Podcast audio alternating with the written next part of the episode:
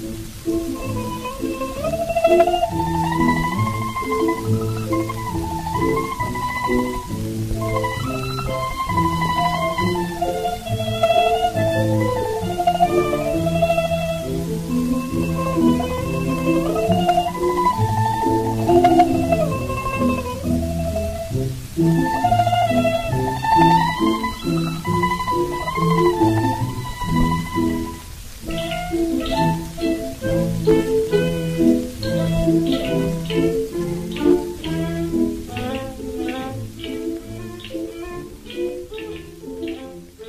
Kæri hlustandi, hefur þau einhvern tíman orðið svo reyður að þú breyttist í róttum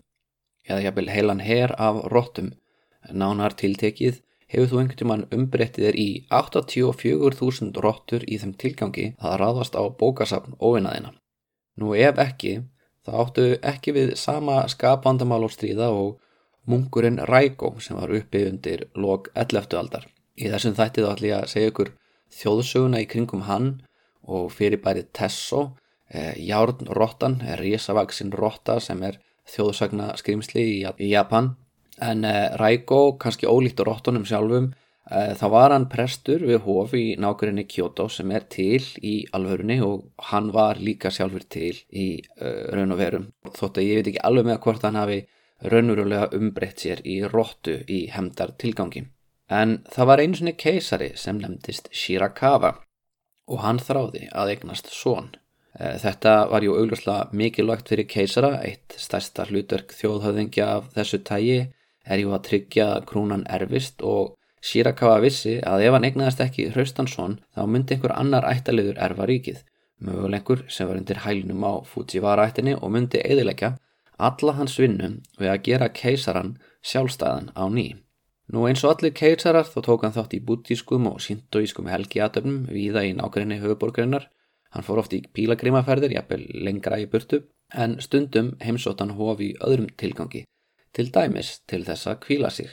Hann fór í þeim tilgangi til hofsins Midera. Midera hofið var stærsta undirhof Tendai söfnöðurins í Japan og í síðasta þætti fór ég nokkuð yfir sögu Tendai, hvernig nafnið var sótt í Tiantai fjall í Kína þar sem munkurinn Saicho hjælt við upp af heian til að læra leindardóma Lotus súturunar. Saicho var svo heppin að hafa valið nýja klaustrinu sínu stað í nákrenni höfuborgarinnar. Hann vissi auðvitað ekki að, að, að á endanum myndi höfuborgin vera færðangað. Hann uh, faktist var bara fættur og uppalinn í nákrenni híi fjáls og hann vissi að það var talið heilagt og, og þess vegna fór hann þangað til þess að kyrja. Og Midera hófið, það er nú þarna í skugga fjálsins, í raun og veru þá liggur Midera aðna e, jafnlangt frá höfuborginni sjálfuri og er, já, að maður segja það sé meir en einum skilningi í skugga klaustusinn sem er aðna upp á fjallinu. Þó svo það sé í raun eldra það var reist af Tenmu keisara til þess að minnast bróðu síns Tenji. Það er alveg áður en naratíminn hefst þannig að þetta er með eldri hófum aðna í Japan. En já, hann Saicho, ótrúlega heppin að, að velja sér þetta, þessa staðsetningu og og Tendai vegna þessara staðsetningar kannski fyrst og fremst náða vaksa yfir í að verða einn stærsta trúarhefing heian tímans. En Shirakawa var þó ekki að koma inn til Midera til þess að e, sökva sér hún í lærdom Lotus sútrunar. Hefðan vilja læra meir um hana þá hefðan einfallega fyrir skipað einhverju munkinum, jafnvel fengi ábótan sjálfan e, upp á Enrakuji til þess að koma í höllina og halda fyrirlestur Það var mjög algengt á þessum tíma að munkar kæmi í höllina og heldu mislangar kynningar til þess að fræða og já til þess að skemta fólki. Því klöstrin í Japan á þessum tíma það er það næsta sem Japanir komist í að hafa háskóla en uh, munkarnir þeir komust þess að mjög oft til eh, höfuborgarinnar til þess að kenna og, og halda fyrirlestra og voru jafnvel með nokkus konar glærukynningar þar sem þeir held á priki og þeir bentu á teknikar og Þess, í þessum tilgangi voru búin til sérstaklega rúllur, svona emagi sem var hægt að rúlla út þannig að þú fegst á tilfinninguna að myndinu væri að reyfast og það má segja að þetta hafi verið teknimyndið síns tíma og að þessir munkar og þessir fyrirlestrar hafi jæfnvel verið tedd fyrirlestrar heian tímans. En nei, Shirakawa hann var komin til Midera ekki til þess að hlusta á fyrirlestra. Og opimberlega þá var hann að heimsækja hófið til að byggja fyrir fæðingu krónprins en í raun og veru var hann sennilega þarna til að slaka á að því mítið er á hófið það var kannski ekki upp á e, hinnu heilaga hýja í fjalli í norðaustan megin við borgina og, og mikilvægt í þeim tilgangi að halda burti íllum öndum en það var samt með heppilega staðsendingu. Það var yngis í dagsferð frá höfuborginni og þannig var það út í sveit en samt nálagt. Það var ekki með ís og þís heian, ekki með skvaldur austur og vesturmarkaðarins eða stöðut baknag hýrðarinnar en samt ekki langt í burtu heldur. Þú bara, þurfti bara að vera á, hana, í vagninum í, í rúmlega dag og þá varstu komið niður á Mitera sem var upp við eh, stöðuvatni Bíva, starsta stöðuvatni Japans fagra fjallasín, fagra strendur og einstaka nátturu. Nátturu sem í dag er kannski ógnað af alls konar yðnaði og fiskaldi en á þessum tíma þá var þetta fjögra miljóna ára gamla stöðuvatn en þá algjörlega einstakt í heiminum. Þannig að Midera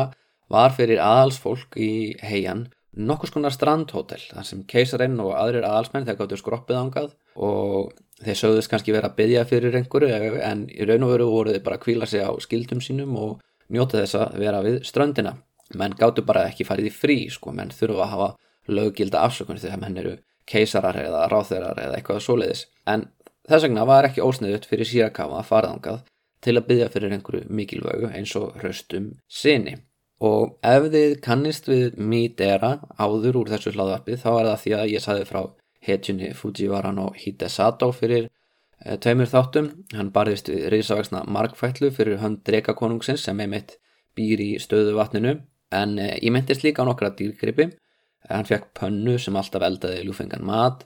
póka fullana hrískrónum sem aldrei kláraðist og jú hann fekk bjöllu, bronsbjöllu sem hann endaði að gefa hófinu Midera og það var svo sem skiljalegt en þetta mýti er að nálaðast að hofið við þetta vatn og brónspjöllur voru eitthvað sem að svona bútísk hof nótuðu til þess að já, bara svipaðu í Evrópu og láta vita hvað klukkan væri. Og þessi bjalla hefur vantilega verið þetta ennþá þegar Shirakawa heimsótti í kringum árið 1070 það er að segja ef við tökum marka á sögunni um risavöxnu markfællinu og drega prinsessuna yfir höfuð. En hvað er um það? Ég ætla að tengja nokkra þræði saman úr síðustu þáttum ég sagði ykkur í síðasta þetti frá skokkandi munkum sem reka þetta merkilega klaustur upp á hífjalli og, og líka þetta hof. En uh, svo er ég líka með tvo þætti þar sem ég nefndi bókskýtuna Fujivaran og Hidesato uh, sem hafði unnið þessa hetjut áð en líka sigrað uppreysna menn úr tæra ættbólkinum við höfum ólíkt markfætlunni sagfræðilegar heimildir um það að hann hafi sigrað hann aðna tæra og Masakato. En afkomandi Hidesato hann var um þetta leiti úlingspiltur í umsjá Kiyohara ættbálksins sem var nýbúin að taka yfir lönd móður af að drengsins. Sem sagt, Shirakawa það er keisarin á meðan uh, átökin í norðrinu uh, eiga sér stað eins og ég talaði um í þættunum konungdæmið í norðrim. Og við skulum aðeins rifjaðu upp uh, að því að þetta er svolítið svona tímamóta atbyrðir í sögu Japans.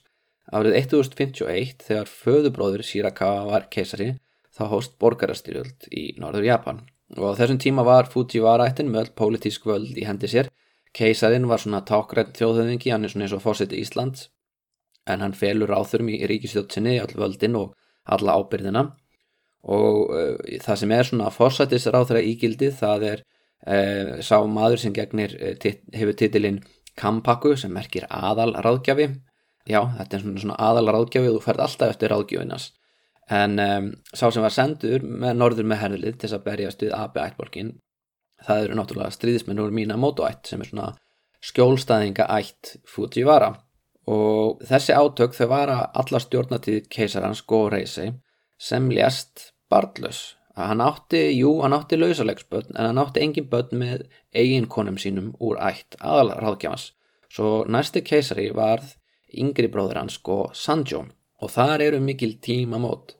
hann um, er af keisaralum ættum bæði í móðuleg og föðuleg og þess vegna er ekki hægt að neyta honum um keisara embætt en auðvitað er þetta óþægilegt fyrir Fujiwara ættina því að þeir eiga ekkert í honum. Og þetta gerir auðvitað stöðu aðalarháðgjafans svolítið vandræðala því að vanalega þá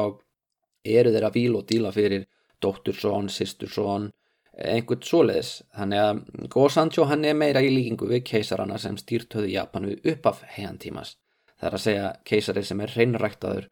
úr keisaræfölskyldunni í báða ætliði og þess vegna er ekki skrítið að hann reyni að endurreysa stöðu keisarans. Sem sagt, Go Sanjo, hann er ekki viðtísfinn bótóttir að veifa til fólksins að hliðalínunni, hann er meira svona Ólafur Ragnar Grímsson, hann er reyðubúin að beita því valdi sem hann hefur sangkvæmt stjórnarskrá en það eru þetta ekki hlaupið að því skilur að, að endur tólka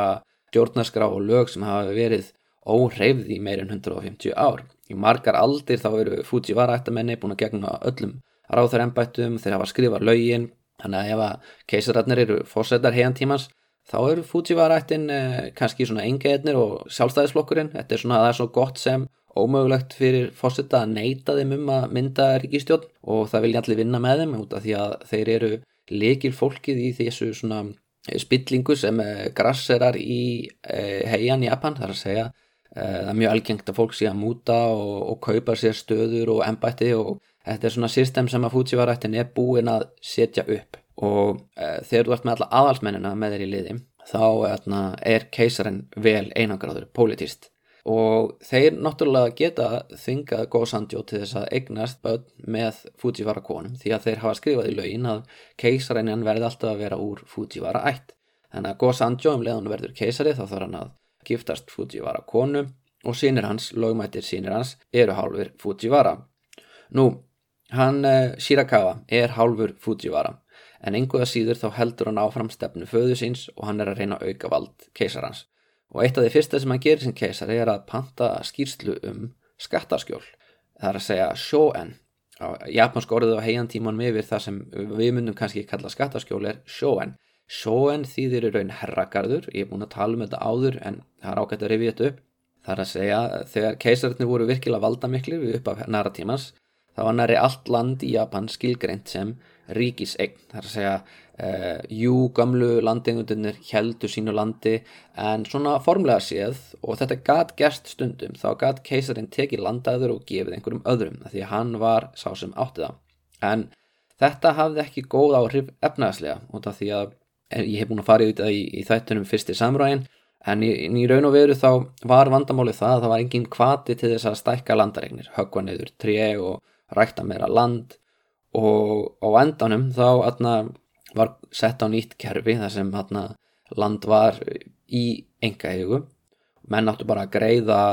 keisarannum skatt af landinu sem þeir áttu og jújú en e, máluða það að ríkar landeigindafjölskuldur eins og Fujiwara sem voru nánar keisarannum þær fengu oft undan þáur þær fengu að skilgreina e, sum landsvæði sem sjóen og sjóen var einfallega land í enga sem ekki er skattskilt og með tímanum þá e, fjölgar þeim gífulega þetta því að til þess að Fujiwara ættin komist upp með að halda í völdin þá þurfa þeir að deila gæðum með hinnum aðalsættunum til þess að halda þeim góðum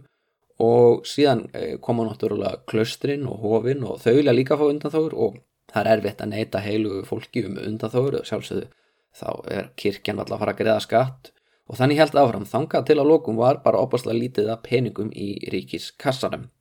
Þannig að því að Sýrakawa hann kemst í valda þá eru landaregnir keisarans mun minni en við upp af heian tímans.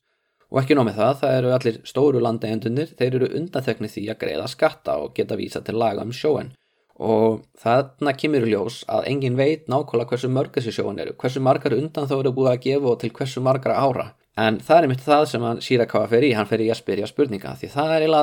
eina sem hann getur svona til að byrja með. Hann fer að afturkalla sumar undan þáur en hann fer fyrst og fremst í það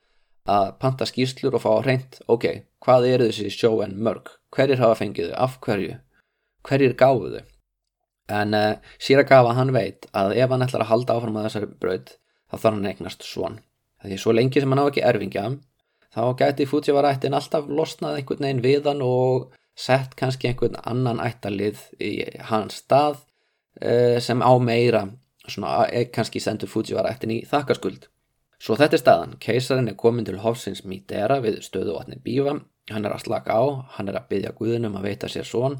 og á hans fund kemur munkur sem nefnist Ræko. Þetta er nú ekki hvaða munkur sem er, þetta er aðsti presturinn í Mítera, svo það er ekki skrítið að hann og keisarinn hafi spjallað saman um ímis andleg málefni og kannski einhver veraldleg málefni og keisarinn hafi svo sagt í framhjálöpi, jú, endilega hafða með í bænum þínum að Japan egnist hraustan krónprins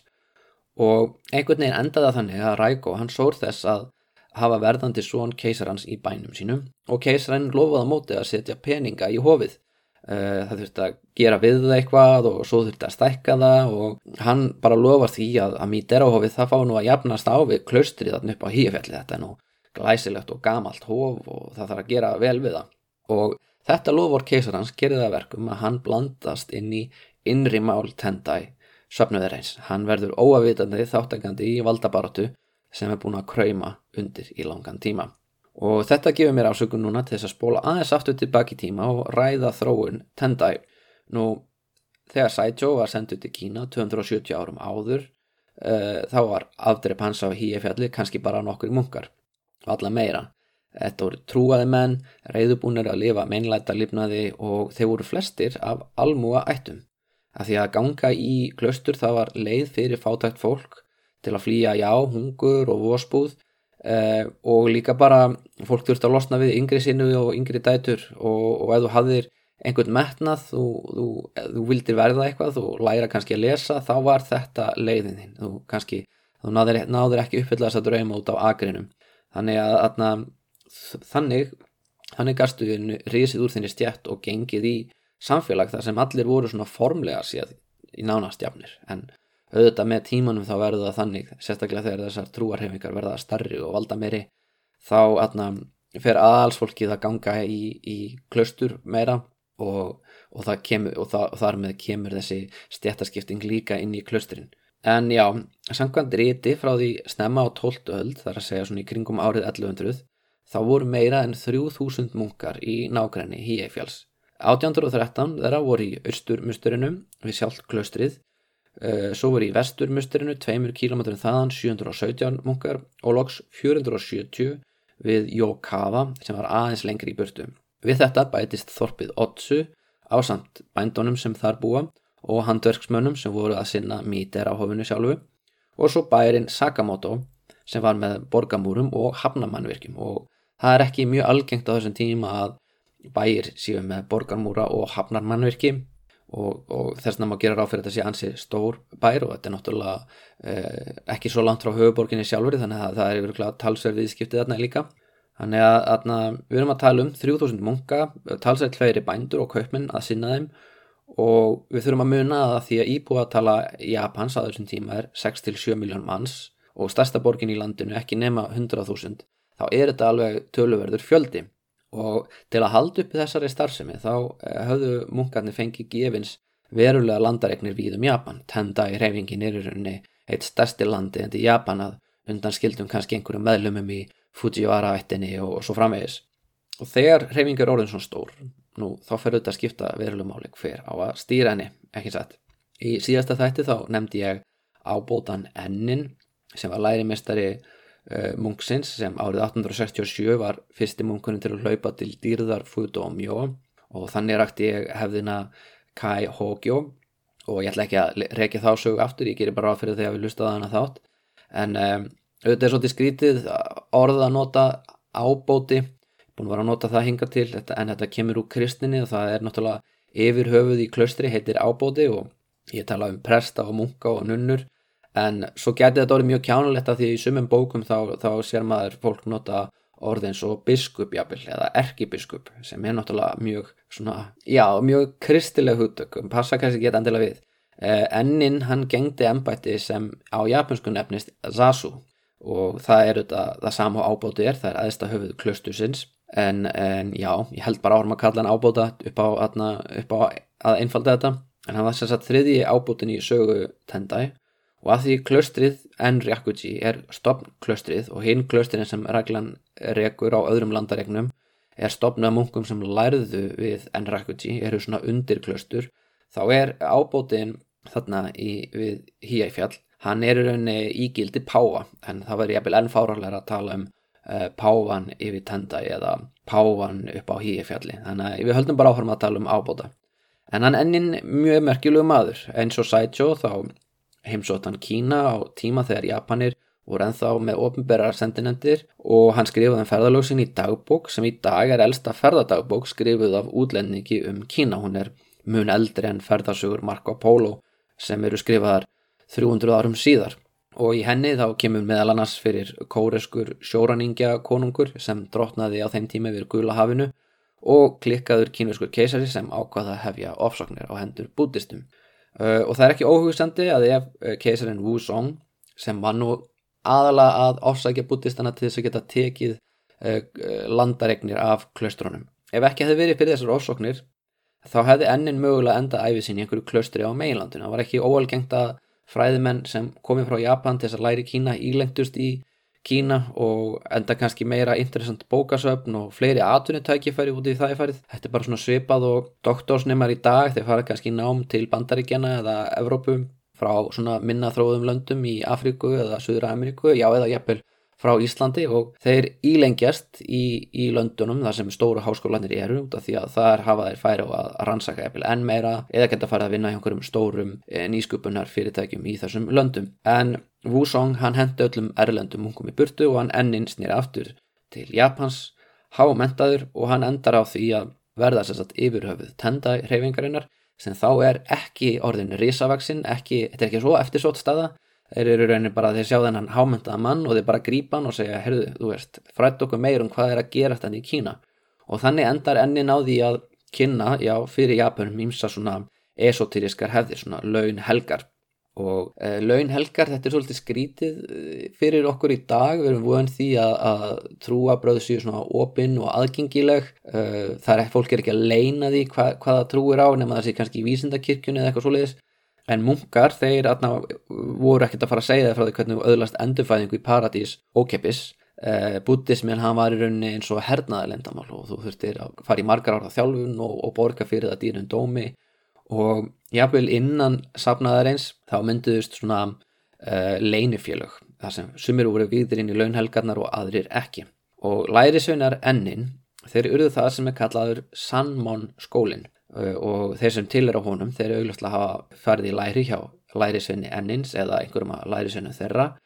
Og þannig koll á kolli breyðist þetta út. En um, þetta er svona, þetta er svona, já, þetta er leindar, þetta er svona leindamál En um, svo kemur næsta höfuð, uh, eða þar næsta höfuð allir, það er fymti hérna, ábóti uh, klöstursins, það er maður sem er mjög, með mjög svipan nafn, hann er kallaður Engin. Og hann var svona úr lág aðlinum, hann var faktist svonur frængu hans Kukai, þessi frægi munkur Kukai sem breytti sjálfum sér í lifandi múmium Hann eh, og stopnaði Shingon-söfnuðin í Japan og, og fann upp uh, utonnúðlur og, og, og nýtt réttmál ef eitthvað er að marka sögurnur um hann en uh, hann sem sagt þarna Engin, hann er svona týpa, hann fyrir 15 ára stútir að bútísk fræði, verður munkur um tvítugt, eigðir 12 árum við klaustrið á Híifjalli og þá þótt hann svo efnilegur að ákveð var af söfniðum að senda hann til Kína til að læra. Og hann Engin hann snýri tilbaka frá Kína og hann byrjar líka þarna að kenna sínar launhelgar og það verður að öðrum skóla, það er þarna Jimon skólin og að þú tilir í Jimon eh, þá getur ekki tilert Sanmon og öfugt. Og það myndast svo lill núningur þarna á milli.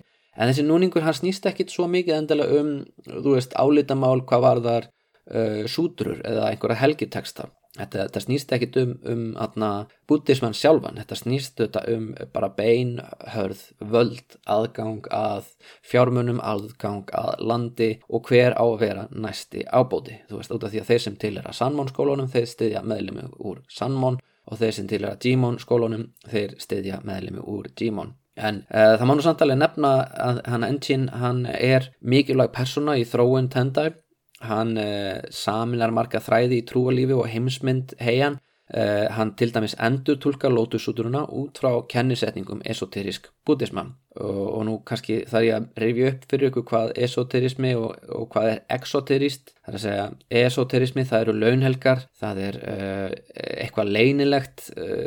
einhver falin lindamáldómur sem ekki allir geta séð. Og exoterisk fræði exo er bara því þið bara ytri að eitthvað sé utan á og þeir sem eru fylgjandi svona exoterisma þeir vilja kannski meina að bóðskapur búta sér fyrir eitthvað augljós þú þarft ekki annað en að fylgja kennisetningum hans og þú átt helst að tólka orðin hans eh, sem minnst þú bara lest það sem hann uh, sagði og svo ferðu eftir því. En fyrir flest fólk á heiantímanum, þar að segja flesta aðalsmenn, því að þarna, almenningur voða, voða lítið að spá í þessu, þessum núansum, fyrir aðalsmennina þá var það ekki nóg krassandi og þeir fíluðu þessna mjög mikið Shingon, um, þessa esoterísku hefð, því að þá, þarna, þá veist, fenguður alls konar framandi aðtapnir og, og, og svona, já, flók, flókin ritual sem þarna, ekki allir gáttu nálgast og, atna,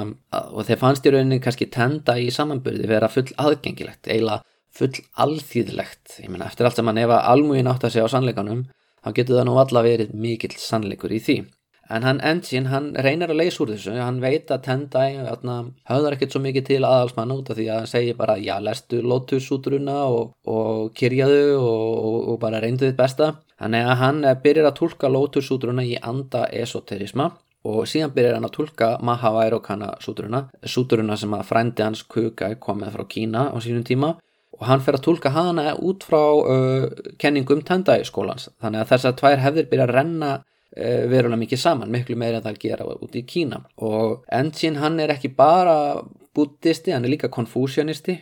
hann veit að á fjallinu híi það eru, eru alls, alls konar guðir sem voru þarna áður en buddhismi kom til Japans. Og eh, honum finnst þeir vera vanræktir. Og hann telur það ekki verið í anda lí eða góðra siða. Lí er svona hugtak sem kemur úr frá Confucius. Og Confucius hann leggur alltaf svo miklu áherslu á að viðhalda gömlum siðum og hefðum því að þau eru svona límið í samfélaginu. Og Enchin hann lítur svo á að það er ekki nóg að tilbyða bara einhverja kínverska og indverska guði og kyrja lótussúturuna það þarf þurfa einhverju munkar við klöstrið að tilenga sér innlendu guðunum sem voru þarna. Þannig að þess vegna eru reist hóf á tímamanns engine í híjafjalli eða ég vil bara endurist sem aðna eru til einhverju uh, guðunum sem byggu áður á fjallinum. Og Tendai uh, þróar með sér svolítið skemmtilegt greiningakerfi á guðum og ég ætla svona að deila því með ykkur að því að mér finnst þetta alveg ótrúlega skemmtileg svona heimsmynd sem kemur fram í þessu. Það eru uh, til þrjár tegundir af kami. Fyrsta tegundin er kallið Hongaku þeir sem eh, búa yfir uppljómun frá upphafi. Og þetta er svona guðir sem eru er allra heilugustu, þar að segja til dæmis formóðir keisarættarinnar, Solgiðan Amaterasu, það má nú ekki vanverða hana sko, þá getur þú komið þér í boppa, að því að hún er svona eiginlega uh, hluti af ríkistrúni nú uh, tendæmungar þeir sjá hana sem byrtingamind bútíska guðsins Dainichi Nyorai sem er svona þessi kosmíski eilífi búta og það eru ymsir aðri guðir sem eru bara taldið það heila er að já þeir hafa frá uppafi tímans alltaf verið uppljómaðir, þeir hafa alltaf verið búta. Í flokki 2 eru Fukaku kami. Þetta eru guðir sem losna aldrei úr sinni ílsku og fáfræði og þeir hunsa lögmálið og það er jafnvel verða pyrraðir það ærir þá að heyra bóðskap búta. En takkið eftir því að þeir eru ekki flokkaðir sem djöflar, þeir eru flokkaðir sem kami, þeir eru guðir og við skuldunum virðingu hvort sem þeir eru móttakilegir fyrir bóðskap búta eða ekki, þá verður við bara samt að tilbyða þá færa þeim fórnir og viðhalda gömlu síðunum. Svo í þriðja flokki eru Shikaku, þetta eru guðir sem eru að öðlast uppljómun eða hafa jæfnvel öðlast uppljómun, þeir voru ekki meðfætt, hún var ekki meðfætt og þeir geta tekið á sér hlutverk bótið sattva og þetta getur verið guðir sem eru kannski guðir einhverja fossa og fjalla, eh, náttúru guðir sem ekki hefðu heyrt bóðskap búta áður. En svo koma munkar, fara að kýrja í fjöllunum og þá eru þeim móttækilið í þar að segja þú veist í rauninni þá telja þessi trú um það að það sýtu guðir í Japan sem að uh, já, geta orðið uh, bútistar og auglustlega er ekki allir jafnir í þessu stigveldi en, en, en guðin, hvort sem hann er Hongaku, Fukaku eða Shikaku þá þarf hann alltaf og verðskuldar virðingu frá mannfólkinu. Og þetta er í rauninni svolítið sko, skrítið í, svona, í, í, Evró, í okkar evróska hugsunarætti kristni að móti heðni þetta væri svipað og segja að Óðinn og Þór e, séu móttækilegir fyrir bóðskap Jésu Krist og aðna þeir geti orðið kristnir. E, Loki og Freyja þau e, eru of síðspilt þess að verða kristin en þau eru samt guðir þannig að við þurfum að verða þau. Og jú, svo eru Týr, Baldur og Nanna. Að þau hafa alltaf verið kristin eru svo, þetta eru svo góði guðir. En ef við færum eftir í tímavill til ásins uh, 900 þegar þetta er að gerast þegar fólk er að búa til þetta kerfi uh, og, og við, fólk myndi ekki drepa okkur bara þegar það sæ okkur koma askvaðandi í galaböksum og striðarskóm með hlutur plasti eða samloku pakkaði í álpapir ef, ef við gerum áfyrir kæmumst aftur í tímavill og gætum talað forn japansku uh, þá myndum við miklum erfileikum að útskjera fyrir fólki að Shinto og buddhismi væru sitt hvort fyrirbærið. Í, í huga fólks á þessum tíma þá eru guðir bara guðir og allir guðir eru guðir og því þeir ekkert að flokka það í sundur, menna þeir eru bara raunverulega til og það er ekki fyrir ná 19. öld sem að sko það markvist reynd að skilja að sintoisma og buddhisma og þá, þá atna, meiri seg eru svona sintoisk hof tekin út úr buddhiskum hofum. Þegar voru þeir alltaf með einhverja sintoguði inn í hofunum sínum. Og, og öfugt það buddhisk svona ummerkjur fjallað frá hofum sem eru skilgreynd sem sintoisk og þetta er svona ástæðan fyrir þessu er uh, svona já, mjög svona nútímaleg þjóðutninsykja sem snýstum að finna út í hvað er upprunalega japanst og hvað ekki og ég áttar að fjallum það augljóslega miklu miklu síðar. En ég menna ef við horfum á Tendai sem er uh, bútísk hefð þá er uh, þráttur er að Tendai tengist ekki sóldýrkun keisarafjölskytunar og vendagóðið þeirra Amaterasu þá er Tendai auðvitað með mjög sérstakar tengingu við keisarafjölskytuna af því að hún hefur verið sögulega styrt af keisarafjölskytunni keisarar hafa heimsótt hífjall í pílagrímsförum og Tendai munkar þeir eru að dreina fólkið sem má nota keisarahöllina sem viðkomist að í sínum pílagrímsförum og fá að jæfnvel að vaða inn í höllina á skítugum sandölum. Þannig að, að, að það myndi ég segja að sé svona ákveðin tenging. En allan að nóðum það, uh, uh, guðnir sem að tendæmungarnir rifja upp á voru þarna nú þegar eru meðal annars Oyama Guin og Mikoto sem var agurirkjuguð og svo er þann Onamuchin og Mikoto sem er vendari keisarlegra bústaða og þessi tveir guðir þeir bygguð þarna á híðfjalli og núna fá þeir aftur einhverja munka til þess að annast e, siðina í kringum þá. En e, stiklu nú á stóru, e, það þýðir svo sem ekkert að, að festa sig í hvað er að gerast næstu hundrað árin, en tenda er að vaksa og að dapna og það eru innan úr steilar um hvort það sé Sanmon eða Jimon skólinn sem ætti að ráða öllu innan hreyfingarinnar. En hún var samt saminuð út af við og réði yfir stórum bæjarfélögum, miklu landi, ótal hofum og klöstrum og er bara sífælt að stækka. Og þegar hún tekur yfir nýtt land þá tekur hún yfir guðin sem býr á því landi, reysir honum bústað og svo líka e, bútist hof. En dag einn þá kemur sér sagt ungur keisari sem þrá er eignast svon, er samt aðal í fríi Hann fer eh, út á strandhótelið Midera og hann ræðir þetta við Ræko, aðstaprestin við Midera hóið og hann lofa hann því að ef bænir munksins rætast og það fæðist sonur þá mun hann veluna Ræko með því að byggja við hófið. Og viti menn, bænir Ræko hafa áhrif því að krónprins fæðist og að keisarinn hann hyggsta sjálfsögður standa við sitt en þá kom honum á óverum í það mynd sem að byggingar eiga hefjast, byggingafrankvæmdir eiga hefjast við Midera hófið Þá koma skilabóð frá klausturinu þarna upp á fjallinu um að það megi alls ekki stækka Míderahofið. Míderahofið sé akkurat eins stort og það eigi að vera. Og keisarinn hann klóra sér á kollinum yfir þessu en hann þorir faktist ekki öðru að hlýða. Svo Rækó hann fær eh, ekki neitt. Ekkert annað en bara afsökunarbeginni frá keisararnum. Sorry, eh, ég bara má ekki setja peninga í þetta. Og nú spyr maður sig, af hverju þurfti keisarinn að lúfa fyrir ábóta í klustri upp á fjalli? Til þess að átt okkur á því þá þurfum við að skoða hvað gerist þegar pólitíkusar taka ákvarðanir sem að munkarnir upp á fjallinu eru ekki sátti við. Þetta dæmi er frá 20 árum síðar eila. Það er á þeim tíma þegar sonur Shirakawa er orðin keisari. Og það er hann uh, Fujiwara no Moromichi sem er þá aðal ráðgjafi keisarnas, er hans kanpaku. Og aðna hann lendir í upp á kant við Tendai reyfinguna út af því einn af skjólstæðingum hans, uh, Samurai úr Minamoto ættinni. Munið Minamoto ættin, það eru handrukkararnir, uh, Fujiwara, það eru mafjustjórarnir og hans er að Minamoto og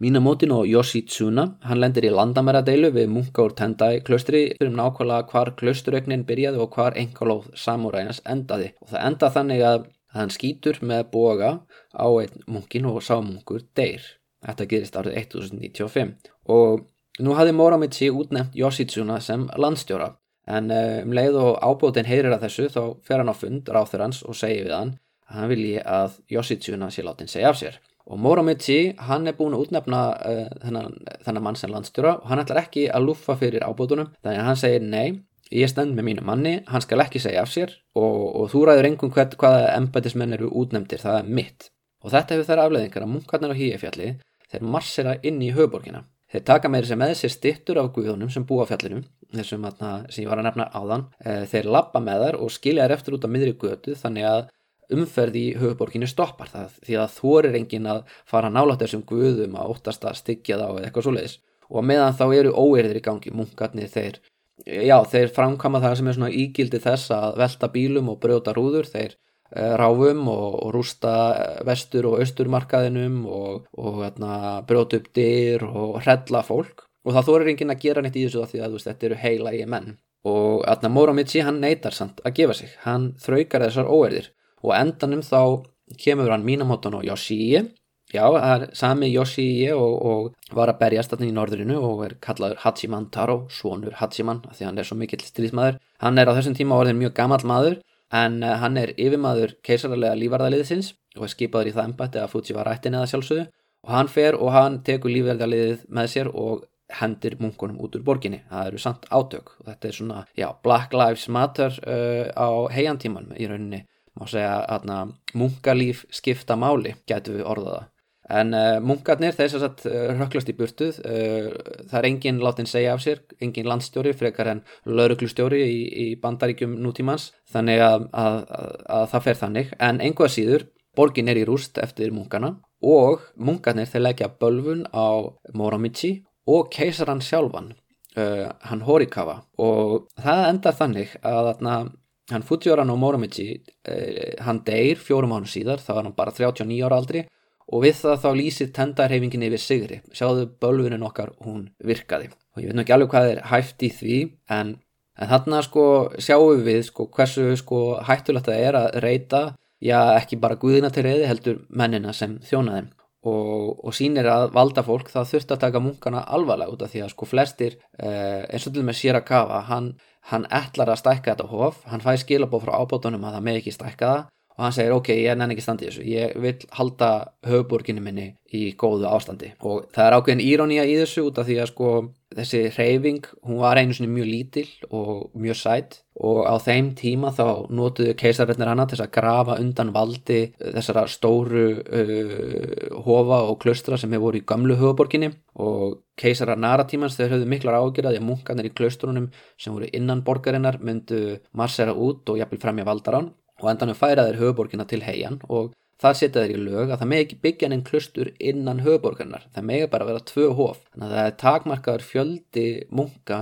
sem bara má búa innan borgarmarka. Og einhvað síður þá, eh, þá, þá, þá gerist það sennilega út af þessum lögum að það verður til fákjefni þannig að sko uh, munkarnir sem er alltaf í nákvæminu upp á híefjalli þeir eru unni fá einhvers konar einu konar stöðu og þeir stækka og stækka og stækka til að þeir eru orðnir sko að risa auksnum her. Og frá því sko undir lók tíundaldar þegar átjándi ábótinn hann Rjóken stýrir klausturinu þá eru þeir búin að hafa vopnaða hermenn. Veist, og það þýðir bara sko það er ekki mjög margir sem megi að hafa vopnaða hermenn alltaf í nákvæmni höfborgarinnar það eru auðvist einhverjar aðarsmannættir sem hafa þann þau fóriðtindi og svo keisarinn en, en þarna er í raunni veist, stórt þorp með borgamúrum klaustur og hof og þúsundir eh, karlmanna sem bera vopn þannig að það er, er ekkert skrítið að Shirakawa hann beri svolítið virðingu fyrir þessu liði. Hann Shirakawa hann eignast erfingja og hann brítur lovorið eh, sem hann hafi gefið Raiko. Raiko því miður er svo óöfn að hann tilherir uh, röngum